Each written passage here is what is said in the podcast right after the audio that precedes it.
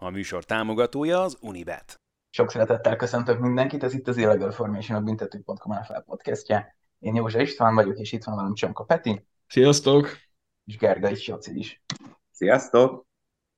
Véget ért a szezon, és hosszú várkozás elé nézünk, hogyha újra profi futballt szeretnénk nézni az észak-amerikai kontinensről. Viszont mielőtt a Super Bowl-ról beszélnénk, Peti kint járt mostanság Amerikában, és meg is kérdeznélek arról, hogy egy kis, vagy meg is kérnélek hogy egy kis élménybeszámolót kérlek, tarts itt nekünk sport szempontból, hogy miket láttál, és mit tetszett nagyon. Hát sportügyileg igazából két, két helyen voltam.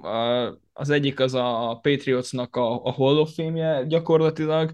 az ott a Gides stadion mellett található egy ilyen a csapat történelmét bemutató létesítmény gyakorlatilag, brutások mezzel, erekével kiállítva, tehát hogy mondjuk ott van a, a, az a szerintem sokak által ismert chopper, amit még az Eden Vinetieri kapott annó, egy ilyen egyedi dizájnnal, tényleg a Malcolm Butler interception legfontosabb kellékei, a, a kesztyűje, a meze, tényleg brutál sok erekje van, és igazából nehéz így, így felsorolni is. Ami viszont az, szerintem az, az ilyen legizgalmasabb és legérdekesebb benne, az az, hogy egy ilyen brutálisan interaktív um, program gyakorlatilag, tehát hogy a, akár a csapat történelmébe be, beléphetsz, és mondjuk megpróbálhatod a mezőingól kísérletet, ami Eden Vinetierinek sikerült ugye a híres Takrul meccsen, 23 és 45 yardról rúghatsz field goalt, akkor nem érheted magad különböző Patriots játékosokhoz képest, tehát hogy én a, testfelépítésemben legközelebb a Benjamin Watsonhoz állok, ami egy tök jó dolog lenne, csak mondjuk Tom Brady súlypont emelkedésével rendelkezem, ami már mondjuk kevésbé előnyös egy, egy Titan poszton, meg mondjuk kétszer olyan, kétszer olyan lassú a reakcióidő, mint egy átlagos NFL falembernek, az se feltétlenül szerencsés, hogyha mondjuk oda be akarnának rakni, de még lehet, hogy ott vagyok a legközelebb a, a, a mezőnyhöz, és 23 yardról tudok uh, field goalt rúgni. 45-ről már egy kicsit necces, és, uh, és nem igazán sikerül középre rúgni, de hogyha 30 alatt kell, azt azért be tudom vállalni nagyon szívesen. Nem tudom, hogy milyen poszton tudnátok elképzelni ez alapján az NFL-be. Én nem sok helyen látom magamat. Tehát, hogy tényleg ez, ezt minden Patriot szurkolónak ajánlom, hogyha egyszer eljut Foxboróba egy meccsre, akkor mindenképpen térjen be a, a holba, mert egy, ez egy nagyon izgalmas és nagyon, nagyon érdekes létesítmény ez, és aki kicsit is érdeklődik a, a Patriots és annak története iránt, az, az mindenképpen a nagy élményben fogott részesülni. Ezen kívül pedig egy Celtics meccsen voltam Bostonban, ugye az NFL, NHL és még az egyetemi foci is már korábban ki lett, lett pipálva a listámon, egyedül az NBA hiányzott, hát megnéztem gyakorlatilag a, a kórház válogatottat a Celticsben, ahol a meccs közepén a negyedik kezdőjátékos is kidőlt, ennek ellenére viszonylag meggyőző győzelmet arattak a, a Fili ellen, hát mondjuk európai szemmel kicsit olyan furcsa volt a hangulat, tehát egy, egy más, más kultúra, más élmények, viszont szerintem rendkívül látványos volt, és, és az is egy olyan, hogy, hogy mindenképpen bakancslistás dolog volt számomra, a TD Garden pedig mm, abszolút olyan, ami ennek beharangozták, hatalmas élmény volt az is. Remélhetőleg ezt egyszer mi is megtapasztaljuk Jocival, hogy milyen jó is lehetett ez tényleg. De Gondolom a TD Garden-t azt megnéznéd te is, Isti. Hát igen, itt Celtic szurkolóként törölgettem a könycseppéimet, hogy én nem lehettem ott sajnos. Én novemberben tervezek egy amerikai utat, uh, Beaver Stadium-mel, tehát Penn State, meg én, nekem továbbra is Heinz Field marad, bár újabb nevén ugye Acrisure Stadium, uh, tehát Pittsburgh, uh, mm, igazán ott nincsen NBA csapat, úgyhogy, úgyhogy az NBA-t azt a Madison Square Gardenbe tervezem letudni egy Knicks meccsel, remélem, hogy akkor éppen majd otthon játszanak, amikor én ott tartózkodom. Még egyébként annyit tennék hozzá, hogyha már így NBA, azért az kétségtelenül egy érdekes élmény volt, amikor a Boston melletti szélemből jöttünk vissza a vonattal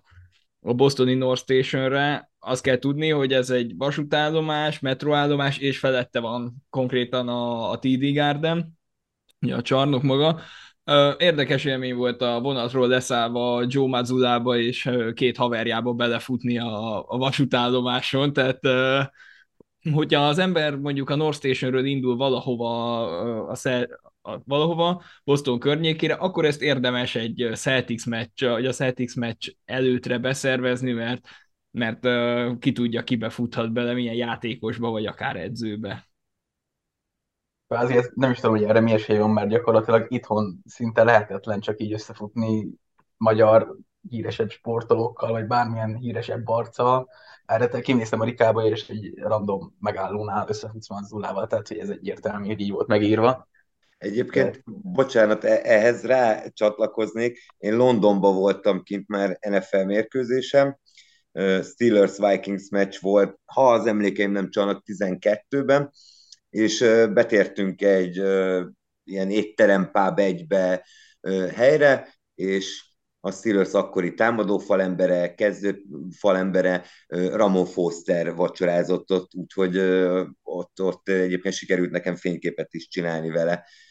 Akkor még ugyan nem szelfiként, hanem odaadtam valakinek a gépet, és, és úgy, de, de hogy nekem is volt egy ilyen szerencsém Londonban, hogy összefutottam egy Steelers játékossal, a képen vacsorázott. Nyilván megvárt, megvártuk, míg ő megeszi a, a vaskos sztékét, és majd és utána mentünk oda hozzá. Na de akinek voltak a szelfizgetni, az Mahomes testvér, ugye a, a híret celeb social médiában, nem tudom, hogy ezt az embert még hogy nem lőtte le, tehát Mahomes, mert finoman szólva is érdekes, amit csinál de a Chiefs meg tudta nyerni ezt az óriási mérkőzést, és igazándiból szerintem azt hozta ezt a Super Bowl, amire várni lehetett izgalom szempontjából mindenképpen. Nagyon változatos volt a meccskép, az elején nekem kicsit úgy tűnt attól függ, hogy a Philadelphia ott magához ragadta a kezdeményezés, hogy a Chiefs, Chiefs kedve szerint alakul a játékképe, aztán igazándiból a végén sikerült visszajönniük, és egy több mint érdekes fújással végül is bebiztosítaniuk a győzelmet. Ugye ott arra gondolok, amikor harmadik kísérletnél befújtak egy defensív holdingot, ami finoman szólva is tényleg véleményes. De önmagában a mérkőzés elképesztő volt. Ti mit gondoltok, hogy elsősorban mi volt a Chiefsnek a, a kriptonitja, vagy az Eaglesnek a kriptonitja, hogy mi az, amiben nem tudta megfogni ezt a Chiefs-t? Hol vesztették ezt a meccset? Én azért szeretnék először a, a Chiefsről beszélni, hogy miért is sikerült és én ezt egyetlen névre redukálnám, nyilván ennél sokkal összetettebb a dolog, ez pedig Andy Reid. Tehát szünetben én azt mondtam, hogy nagyon-nagyon nehezen láttam azt a forgatókönyvet, hogy a Chiefs visszajön, és nem a 10 pontos hátrány miatt, hanem a játék képe miatt, hogy egyszerűen a, az offense nem állt úgy össze, Mm, ugye Mahomes ráadásul megsérült, nem tudtuk, hogy milyen állapotban jön vissza a második félidőre, és uh, iszonyat sok időt volt a pályán a Chiefsnek a védelme, amely, amely ez a, a, azt szokták mondani, hogy hajlik, de nem törik. Egy picit arra hajazott, csak ebben az esetben, amikor ennyi időt van fönt a védelem, akkor előbb-utóbb az a törés megszokott, beszokott következni, és uh, itt azt gondolom, hogy az nagyon kellett a Chiefs védelmének, hogy a második félidőre egy sokkal-sokkal hatékonyabb uh, Chiefs támadó sor futott ki a pályára, és hogy miért gondolom Andy Reid, Jennynek nagyon sokat beszéltünk az ő játékhívásairól, és a, én a két TD-t emelném ki, a két TD paszt, egyszerűen zseniális húzás volt, tehát hogy Andy Reid mindig is egy nagyon jó play caller volt, egy nagyon, nagyon jó játékhívó vezetőedző, és a Red Zone-ba ez meg még hatványozottabban igaz, és, és hát tulajdonképpen ezeken dől el egy meccs, mert ugye négy pont múlik rajta minimum, hogy field goal, vagy pedig TD-t csinál a csapat, és két annyira zseniális játék volt két, mondjuk úgy, hogy outsider játékosra ö, hívva azt a játékot, ugye Kadarius Tonira gondolok, és Sky Moore-ra, mind a kettőnek egyetlen elkapása volt az egész meccse, és tulajdonképpen ugyanazt a játékot hívta, először a jobb oldalon, aztán tükörképére a bal oldalon, egy outsider játékosra, és a, a Philadelphia Eagles mind a kettő, Philadelphia Eaglesnek amúgy elképesztően jó védelme, ö, teljesen meg, megkajálta azt a játékot, tehát mind a kettő egy ilyen, ilyen endzomba besétáló TD volt, Szóval számomra ez volt a, az egész mérkőzésnek a leglenyűgözőbb része és momentuma, vagy ami miatt azt gondolom, hogy a, a Chiefs felül kerekedett. Amit az Eagles oldalán el tudok mondani, hogy itt nagyon sokszor beszélgettünk a illegal formationben is arról, hogy, hogy igazándiból a menetrendje nem volt annyira nehéz a Eaglesnek, és emiatt nem tudjuk hova tenni azt, hogy milyen, milyen játékerőt is képvisel az Eagles. Én azt gondolom, hogy a Philadelphia bebizonyította, hogy tényleg a, a krémbe tartozik, az elit csapatok közé tartozik. Ugye én, én kifejezetten sajnáltam is őket, hogy a főcsoport döntőjük olyan lett, amilyen, mert, mert mm, azáltal, hogy ott irányító nélküli csapatot vertek meg, megint nem kapták meg azt az elismerést, ami, ami szerintem kiár ennek a csapatnak. Viszont a Super Bowl-on azt gondolom, hogy a védelmük volt ö, csalódás, és azon belül is a peszrás. Az hagyján, hogy nem csináltak szekket ö, Patrick Mahomeson, de igazándiból én azt gondolom, hogy nyomás sem nagyon tudtak generálni, és ezt egy olyan, olyan csapat esetében, amelyik 70 szekkel az alapszakasz legjobbja volt, négy játékosuk zárt 10 szek fölött, amire még sose volt például az NFL történetében, én azt gondolom, hogy, hogy ezen múlt a mérkőzés, hogy a, a, az Eagles szempontjából, vagy hogy hol keltettek csalódást, hogy a védelmük és azon belül a siettetésük az nem működött igazándiból. Itt viszont még a Chiefs, Chiefs-et méltatnám egy picit a tekintetben, hogy két éve azért vesztették el a Super Bowl-t, ez azt gondolom, hogy teljes egyetértés van minden szakértő között, mert a támadó falukat reggelire megette a,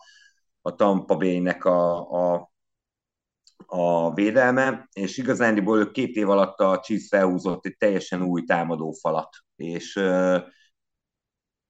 igazából ez bevált. Tehát, hogy egy jó támadó falhoz azt gondolom, hogy kell két év építkezés, ezt megcsinálta a Chiefs,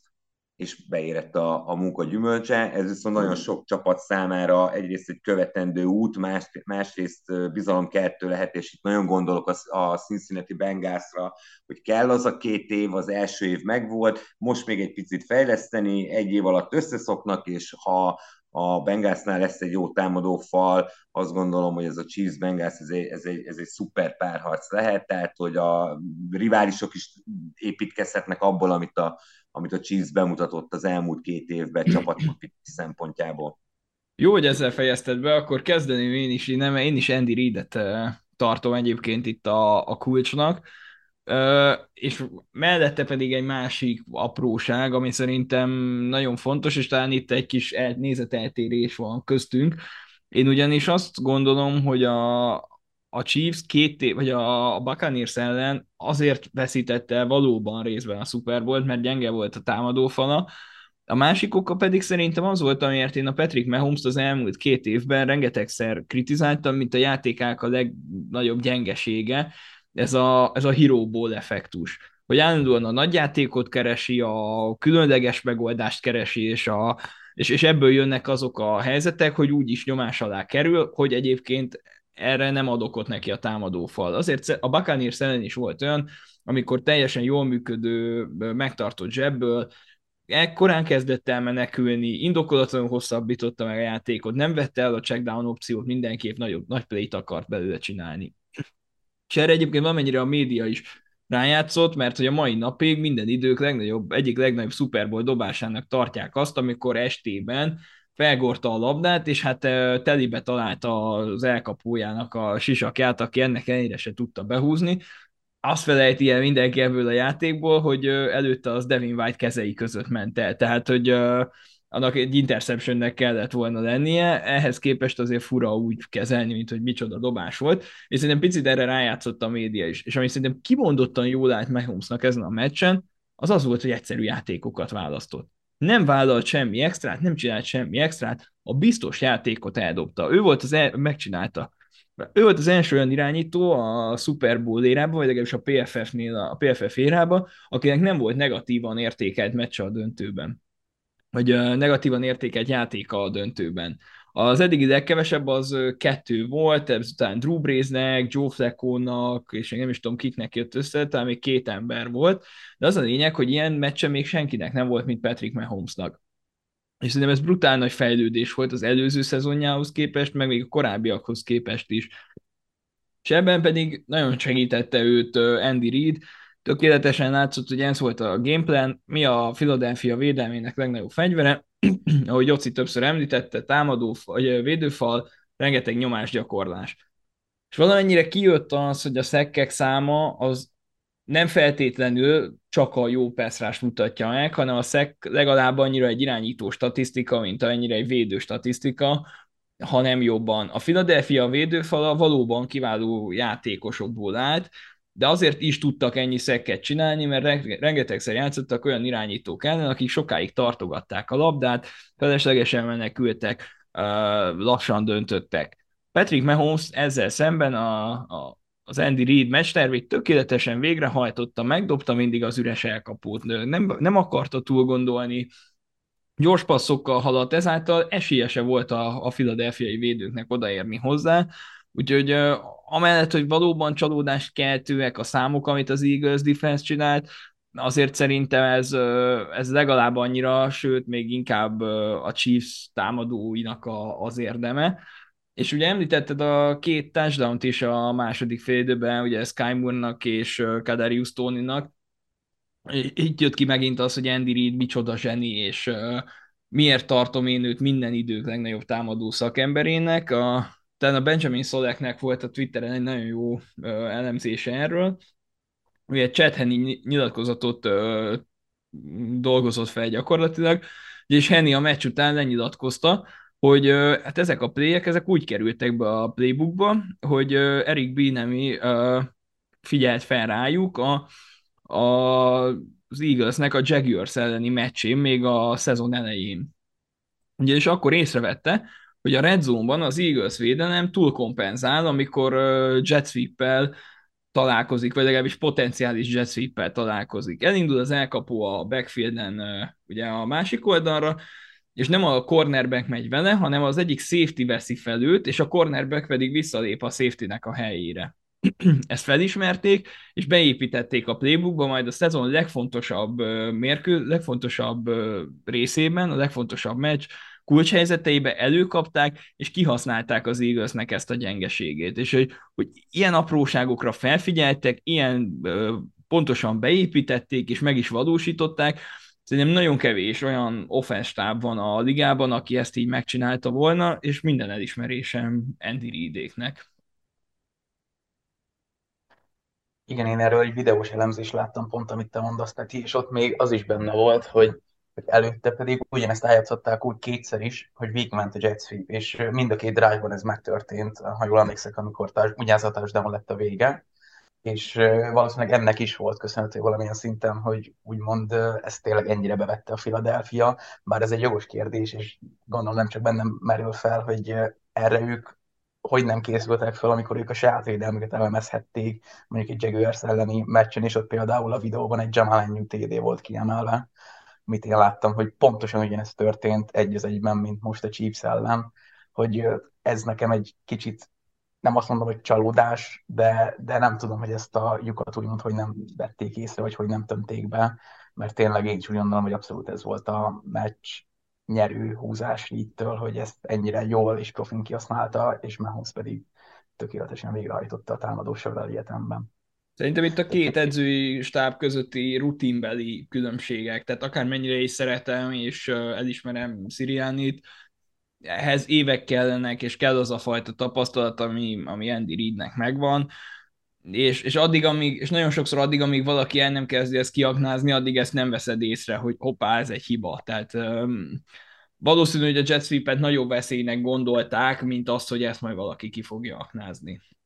Szerintem ami, ami ebben durva volt az az, hogy kétszer megcsinálták egymás után. Tehát, hogy a, elsőnél be lehet nyelni, mert, mert már, tehát ők ezt a védelmet játszák, ők ezt csinálják, de másodjára ott azt gondolom, hogy föl kellett volna hívni a, a játékosok figyelmét arra, hogy legközelebb ilyenkor hogy reagáljanak erre. Ez nem történt meg, vagy ha megtörtént, akkor nem, nem sikerült a, a megvalósítás, mert ugyanolyan játszik könnyedséggel lett belőle TD. Egyébként én nem akarom kikerülni a, a játékvezetői ítéletet,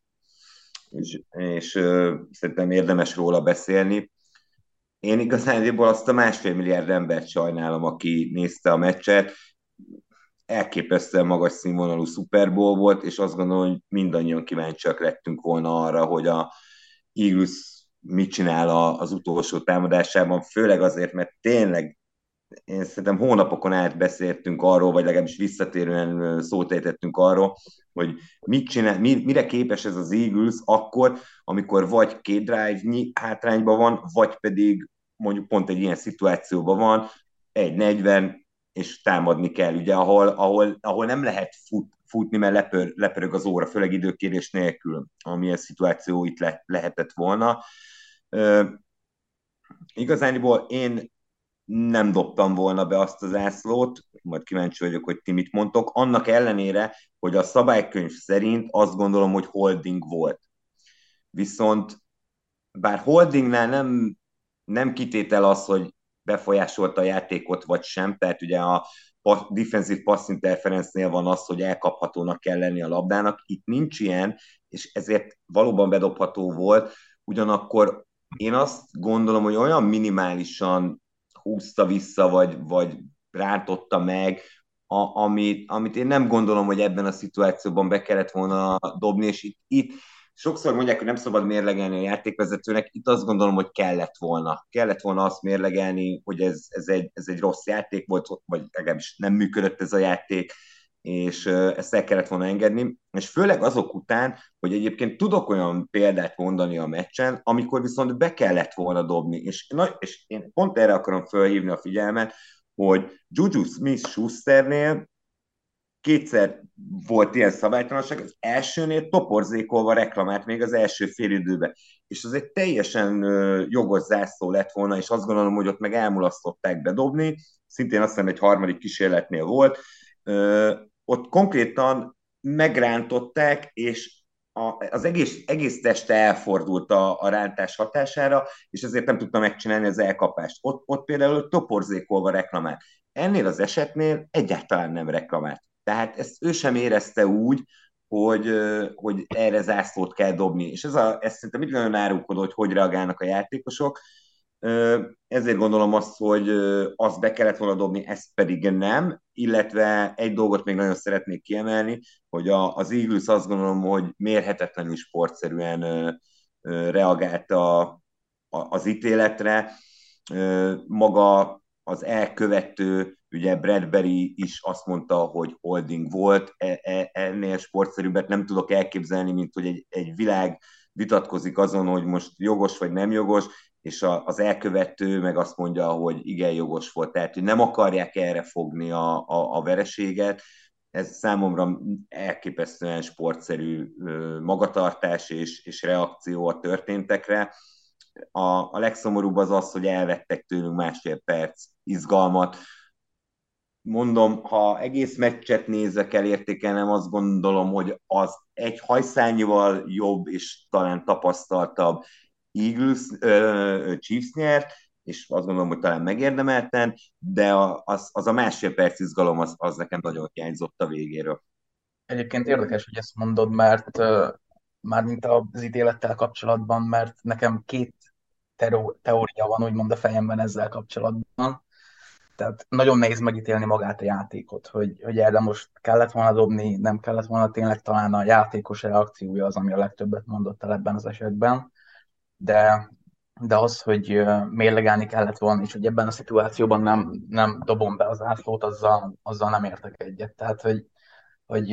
én úgy gondolom, hogy teljesen mindegy, hogy ez egy Super Bowl, vagy egy második hetes trash bowl, ami az, az dönti el, hogy a hatodik vagy a hetedik helyen húzhat a két csapat. én úgy gondolom, hogy a szabálytalanság a szabálytalanság, és attól függetlenül, hogy milyen szituáció van, hogyha szabálytalannak érezte a bíró, akkor ezt be kellett dobni, és, és még egyszer, tehát így kívülről látszik, hogy ott a keze, látszik, hogy valamennyire akadályozza a mozgásban, de valóban összességében a játékot nem befolyásolta. Én, én meg tudom érteni azt, hogy miért dobta be a bíró, viszont tényleg az a, az a másfél perc az nagyon izgalmas lett volna, különösen annak figyelembe, figyelembevételével, hogy Hurts milyen szenzációsan játszott az egész meccsen. Igen, ezzel szerintem nehéz vitatkozni a szabálytalanság tényével, főleg úgy, hogy a Bradbury is azt mondja, hogy igen, szabálytalan voltam, reménykedtem benne, hogy, uh, hogy nem veszi észre a bíró. Pekje volt a játékvezető, aki bedobta az ászót, az gyakorlatilag az egész play alatt ezt a, ezt a párharcot figyelte, és én azzal egyetértek, hogy annak nem kellene befolyásoló tényezőnek lennie, hogy mi múlik ezen a játékon. Ami viszont ennél szerintem érdekesebb és izgalmasabb,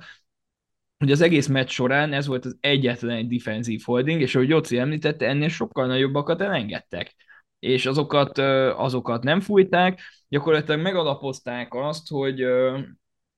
hogy, hogy ezt, ezt lehet csinálni ezen a meccsen. Tehát, hogy ennyi pont belefér. Ez,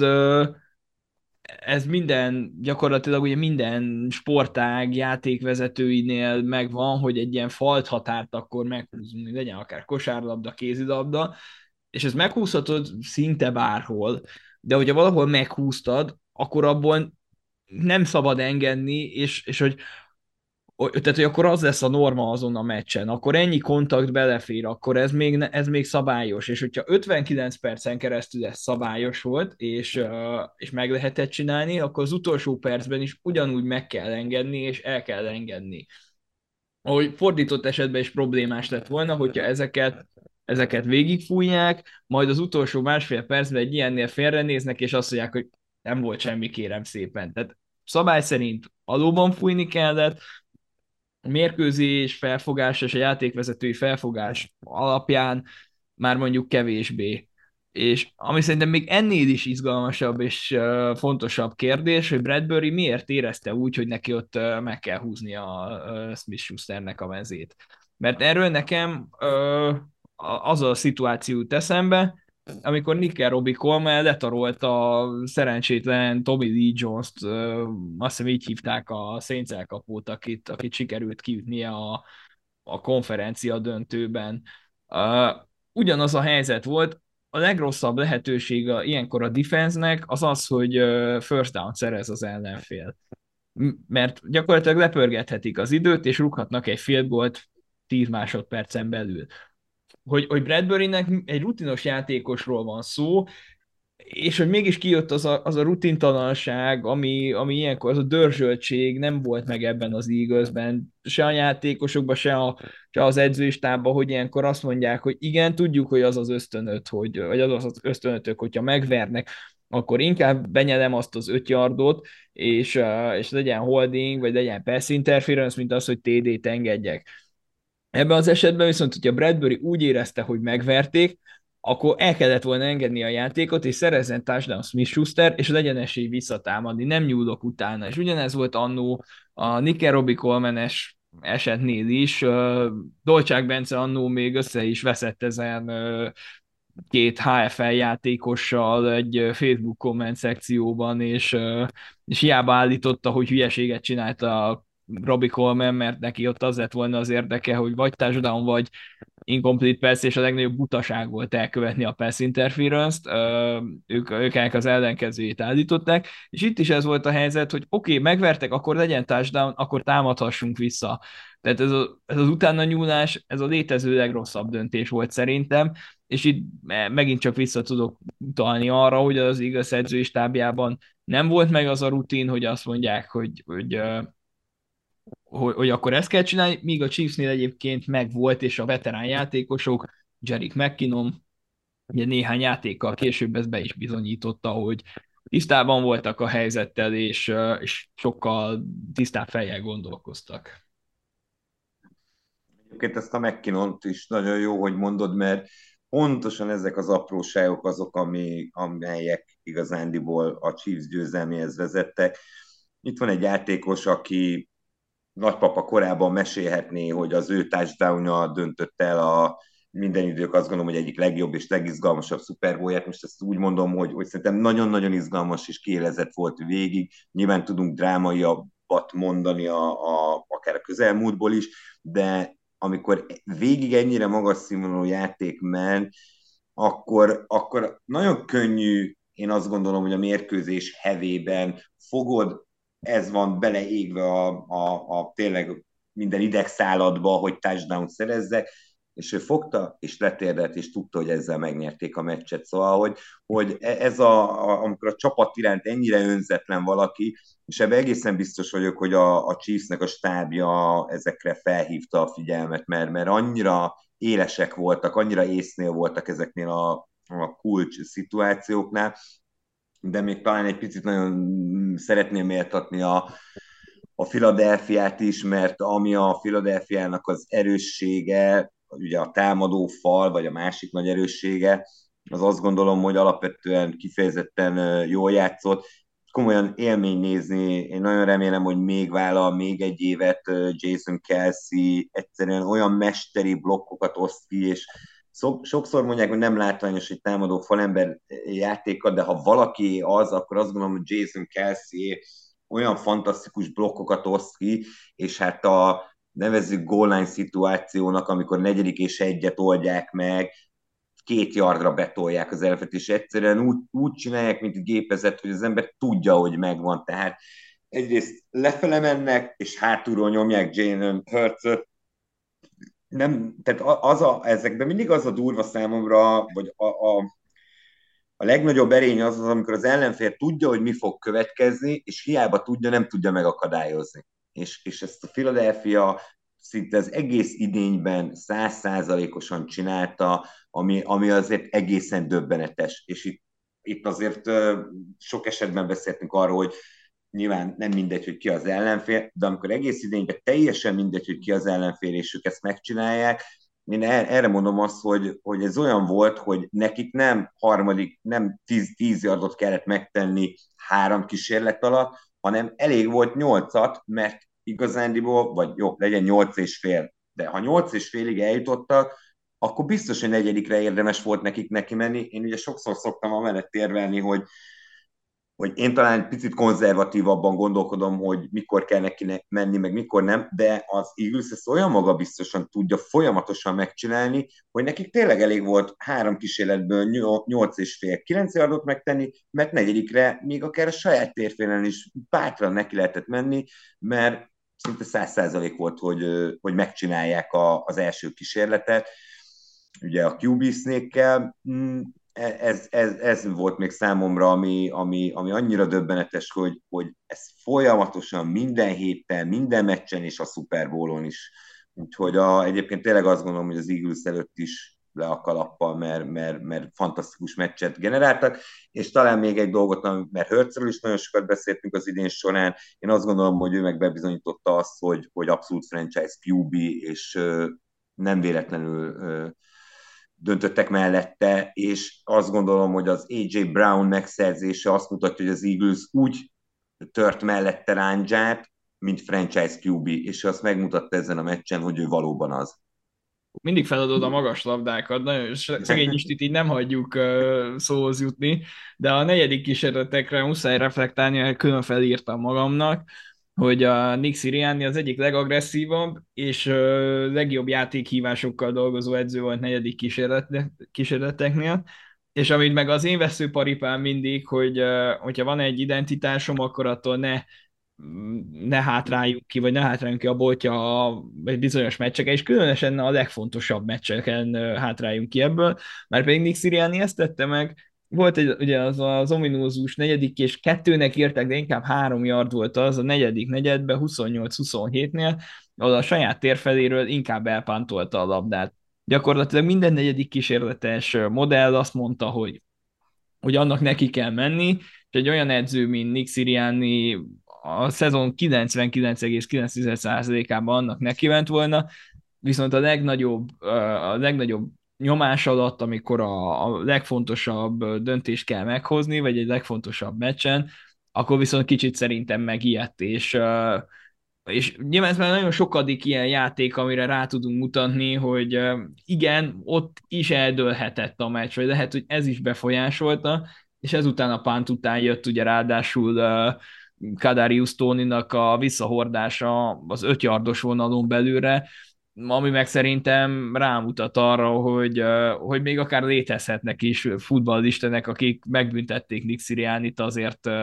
azért amiért feladta az, az ő identitását egy ilyen fontos helyzetben. És még a másik, amire reflektálni akarok, az a támadófalakról mondott megjegyzésed, ott csak annyit tennék hozzá, hogy aki szerint nem izgalmas a támadó falakat nézni, az még, az még nem elég érett. De majd néhány év múlva rájön arra, hogy, hogy a legjobb része az amerikai futballnak a, a támadó falak elemzése. Jó, hogy felhoztad Sziliánit, mert egyébként, aki hallgat minket, azt tudhatja, hogy én szeretem ezeket a kicsit agykulkász dolgokat, hogy pszichológiai és mentális szempontból megközelíteni bizonyos szituációkat, hogy azok milyen hatással lettek a, a meccsre vagy egy-egy játékra, és amikor láttam, hogy Sziriáni könnyezett, majdnem már sírt a himnusz alatt, akkor nekem egyébként megfordult a fejemben az, hogy, hogy egyrésztről ez megmutatja azt, hogy ez mennyit jelent, hogy valaki ott lehet, aki tényleg ezért dolgozott egész életében, viszont viszont tud-e úgy készülni, tud-e úgy dönteni ilyen helyzetben, hogy ezeket a dolgokat kizárja, és, és én ezt egy kicsit valamilyen szinten ennek a számlájára írnám egyébként, Peti, amit mondtál, hogy nem merte bevállalni, nem gondolta úgy, hogy ez egy jó döntés, inkább tényleg próbálta biztosra menni, még akkor is, hogy ez ki, kiderült, hogy nem, és én ezt ennek a számlájára írnám, mert én úgy gondolom, hogy nem véletlen nem láttuk sem Andy Reid-et sírni, sem Nick korábban eltérni ettől az identitástól, tényleg, amit te is mondtál, és hogy Hurtsre is re- reflektáljak, tényleg szenzációs meccse volt, és azon a fumble kívül. Gyakorlatilag tökéletes meccset tudott le ő is,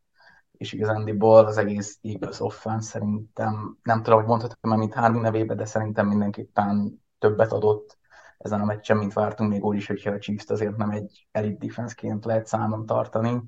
és, és nekem ez volt a legnagyobb pozitív csalódás az Eagles részéről, mert én kicsit attól féltem, hogy még ha a defense meg is tudja állítani egyszer-kétszer Mahomeston, ugye végül is nem is nagyon történt meg, mert csak 38 pontot engedtek, akkor a támadósor nem fogja tudni tartani a lépést a Kansas City-vel, ehhez képest nagyon sokáig ugye Kansas City futott az eredménytel.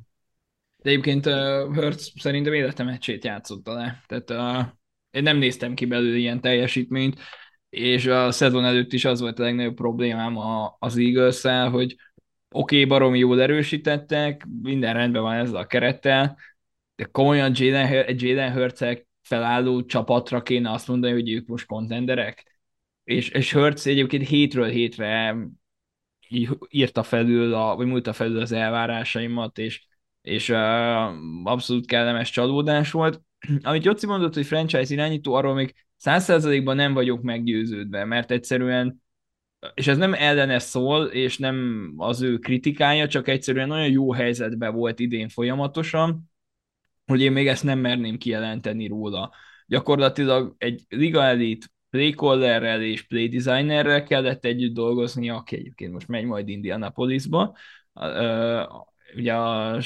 Steichenről van szó, aki az egyik legnagyobb QB suttogónak van tartva a ligában, úgyhogy meglátjuk, hogy nélkül mire megy. Plusz olyan fegyverei és olyan kiegészítő emberek voltak körülötte, akik, akik borzasztóan megkönnyítették az ő dolgát. És, és mondom, ez nem ellene szól, csak egyszerűen még szeretném látni egy picit nehezebb körülmények közt is őt, hogy, hogy kiderül, ott hogy tud helytállni, de az, az biztos, hogy fejlődött az előző szezonhoz képest, Szerintem itt az az igazán nagy kérdés, hogy akkor most ő a következő Joe Flacco, akinek volt egy nagy menetelése, majd utána hozott egy ilyen átlagon felüli játékot, ami egyébként szerintem a Jalen Hurtsben abszolút benne van és képes rá, az idei évét tekintve, vagy mondjuk ő a következő Patrick Mahomes, akinek, akinek nem egy ilyen kiemelkedő éve volt, hanem konstansan fent tud tartani a magas színvonalú játékot. Lehet nem is a Patrick Mahomes volt itt a, a legjobb példa, de nagyjából szerintem érthető, hogy, hogy mire gondolok, hogy az elit irányítók kategóriájába kerül be, vagy a, a jó irányítók kategóriájába egy-egy kimagasló teljesítménnyel. Szerintem ez még, ez még az esetében nem lefutott. Igazándiból, ami, ami miatt én azt mondtam Hörcre, amit, hogy ö, szerintem franchise irányító, tehát ha abba belegondolunk, hogy Kirk Cousins éveken át ö, csak azért, mert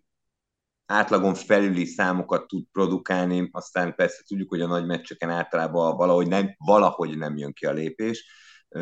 akkor azt gondolom, hogy Hertzben ebben sokkal nagyobb potenciál van, és aki a legnagyobb meccsen meg tudja mutatni, hogy tehát a legnagyobb meccsen hozza a legjobb formáját, az az, az igazán jó versenyző típus, abból lesz igazán jó irányító, és ami nagyon fontos még nála, amit te is említettél, az a fejlődő képesség. Tehát, és ezen a meccsen egyébként ez nagyon kidomborodott, mert én ugye mindig Lamar Jacksonnal szoktam példálozni, hogy fantasztikus nézni a játékát, de én nem tartom Super Bowl győzelemre esélyes irányítónak. Ez nem azt jelenti, hogy nem fog neki soha összejönni, mert összejöhet egy jó csapatban, de, de ő, neki, ő neki szerintem sokkal nagyobb szüksége van a, a, a, a támogató környezetre, hogy így mondjam, meg arra, hogy, hogy minden meccs jól alakuljon a saját csapata számára. Hörc esetében ezen a meccsen is több példa volt arra, amikor kimenekült a zsebből, mert nyomás volt, és nem eszetlenül futott előre, hanem végigpásztázta a, az előlévő célpontjait, és több harmadik kísérletet megoldott. Tehát nem is első vagy második kísérletnél volt, volt talán egy harmadik és 14, de azt hiszem talán a Godert elkapása is ilyen volt. Tehát, hogy ezek azok a szituációk, amiket egy, egy évvel ezelőtt biztos, hogy inkább megpróbált volna megfutni, vagy ha nem is megfutni, de legalább előre futni. Itt meg végignézte, és tenne halálpontos passzokat adott, úgy, a védők nem méterekre voltak a, a célpontoktól, futtából dobta meg pontosan, tehát én, én nagyon látom azt a fejlődési ívet, amit leír. Ehhez nyilvánvalóan kellenek jó szakemberek, erről is beszélgettünk, hogy a drafton sokszor tehetségek azért vesznek el, mert nem megfelelő környezetbe kerülnek. Mint ahogy ugyanezt gondolom Mahomesra is, hogy nem is tudom, az a gunslinger stílus, amit ő, ő képvisel, az az NFL-ben egy teljesen szokatlan dolog volt, és, a, és neki is nagyon sokat számít az, hogy, hogy Andy Reidhez került. Andy Reid azt gondolom, hogy bár, bármelyik offenz játékos oda kerül, csak boldog lehet. Egyébként Juju Smith-Schusternek volt egy nyilatkozat, ugye első éve volt a Kansas City-nél, és azt mondta, hogy egy év alatt többet tanult az, az offenszről úgy összességében, mint egész korábbi pályafutása során. És ez, ez most nem is a, a többi csapat, vagy egyetem, vagy a Steelers kritikájaként hoznám föl, hanem, hanem azt, hogy Andy Reid mit is jelent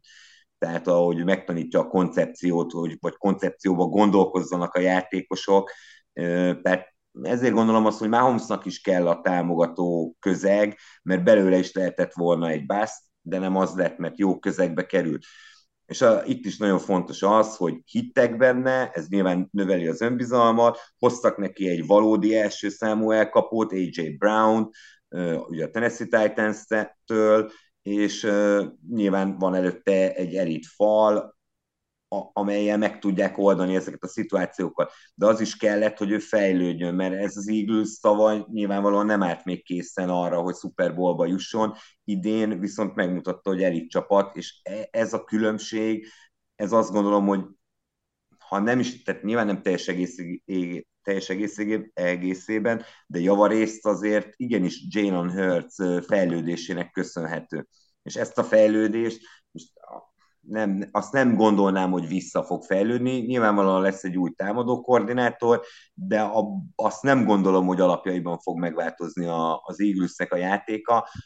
Aki viszont nagyon hiányozhat, hogyha visszavonul, az Jason Kelsey minden idők egyik legjobb centere, az nyilvánvalóan visszaesést fog eredményezni a fal játékában, de összességében főleg nézve az NFC-t, ahol azért nagyon nem láttam a domináns csapatokat, ahogy egymással őrre mennek. Én azt gondolom, hogy ez a Eagles, ez most még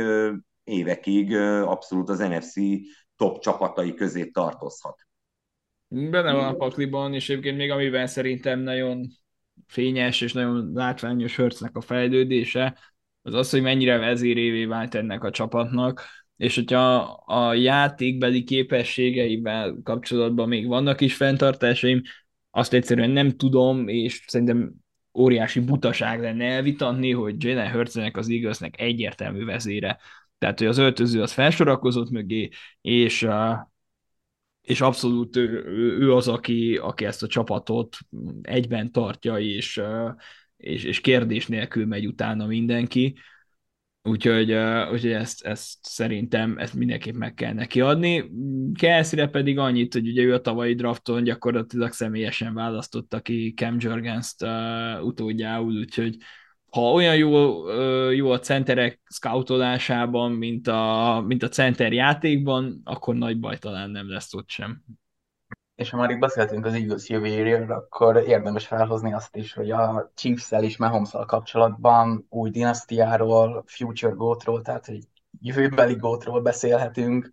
Erről ti mit gondoltok, mert azért ez így elég meredeknek tűnik megnézve a Patriots dinasztiát és Brady karrierjét, hogy négy ilyen év után valaki ilyet merjen kijelenteni, vagy egyáltalán felvetni is, mert azért elég hosszú vezet még ahhoz, hogy ez megvalósulhasson. Mm, szerintem egyébként ebből a szempontból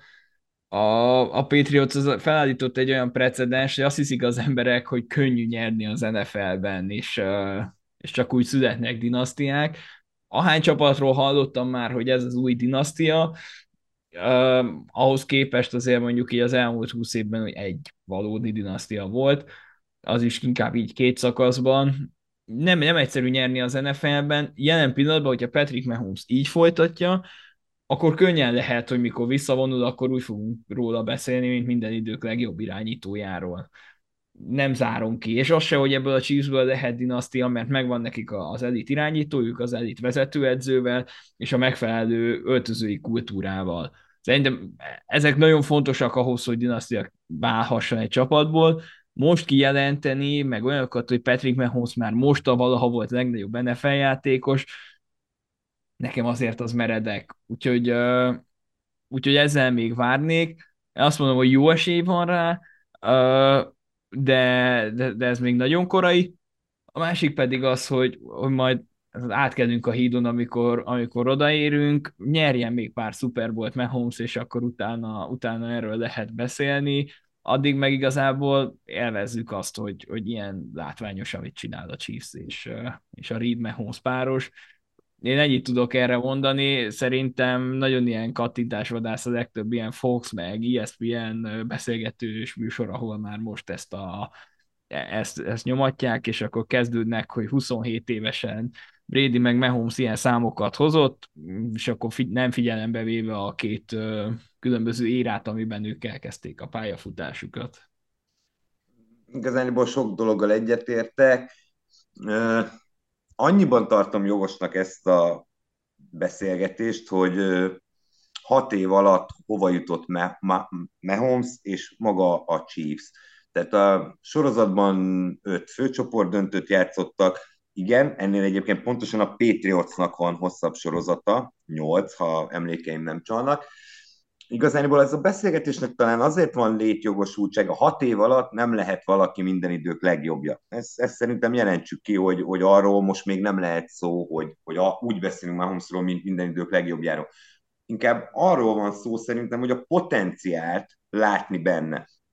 És bár más volt a foci 20 évvel ezelőtt, amikor Brady elkezdte, vagy a, az első dinasztiája volt, amikor ugye négy év alatt nyertek három szuperbolt, de én azt gondolom, hogy nem csak a játék különbsége miatt van az, hogy, hogy Mahomes amit csinál, az teljesen egyedi, és erről én, én ugye ezt említettem is, ez a Gunslinger, egyszerűen látszik a baseballos múltja, egyszerűen, mint egy videójátékot nézni, és sőt, ilyet, ilyet konkrétan hollywoodi filmben, ha látom Mahomes előtt, akkor azt mondtam volna, hogy kár volt ilyennel elrontani a filmet, mert hogy ilyen nincs. És, és ez, a, ez a srác hétről hétre olyan fantasztikus dolgokat csinál, és itt most nem arról beszélek, hogy ül a zsebben, vagy pontosabban áll a zsebben, és akkor bedob 40 yardos bombákat, és passzolt 400-500 yardot, hanem ahogy dobja, ahogy fut, egész egyszerűen zseniális, öröm nézni, és ez talán az én számból még nagyobb dicséret, mert én inkább a jó védelmeket szeretem nézni, de de abszolút lenyűgöző, amit, amit, amit ő csinál a pályán. Mm, abban maximálisan egyetértek, hogy várni kell. Ez a Chiefs azért közel van a dinasztiához, és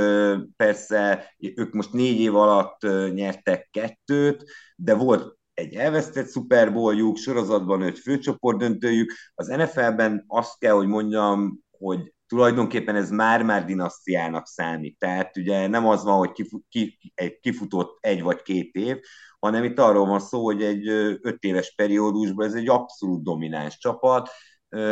Az NFL-ben rettenetesen nehéz, sokkal nehezebb ö, olyan szuper együttest építeni, mint mondjuk az NBA-ben a elmúlt időszakban ugye volt a Golden State Warriors, de volt ö, korábban ugye a LeBron-féle Miami, tehát hogy, hogy ott egy picit ez könnyebb, nyilván azért is, mert jóval kevesebb játékos alkotja a csapatot, meg jóval kevesebb játékos is van a pályán. Mm. Mahomesnak azt gondolom, hogy a potenciálja van meg a, ahhoz, hogy, hogy minden idők legjobbja legyen, és még egy dolog jutott nekem eszembe, hogy amit tudok mondani Mahomesra, és ezt tulajdonképpen említettem, hogy azért is kerül szóba ez a beszélgetés, mert szerintem minden idők eddigi legszórakoztatóbb játékosa a maga posztján. Tehát pont azért, hogy annyi, annyi féleképpen dob, igen, kicsit ilyen baseballosan dobja el a, a, a labdát sok esetben,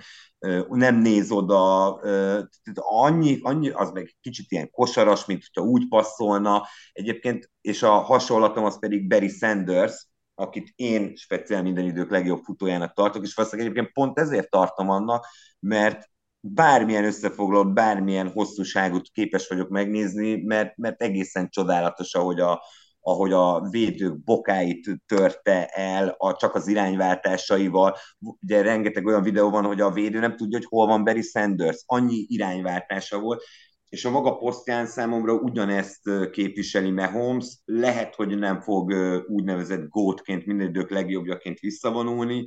de én azt tudom rá mondani, hogy ő minden idők legszórakoztatóbb irányítója.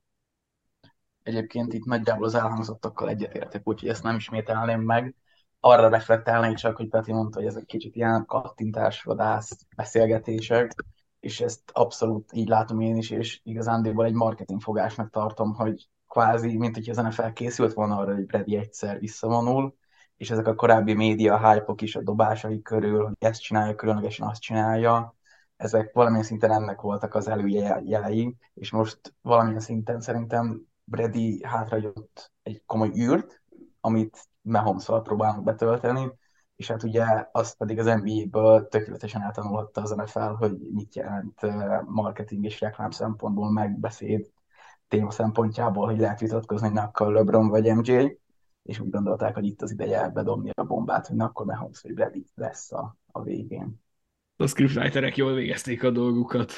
Igen, igen.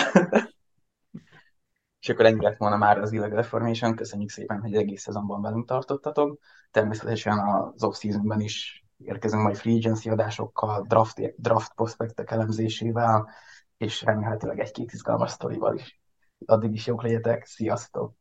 Sziasztok! Sziasztok!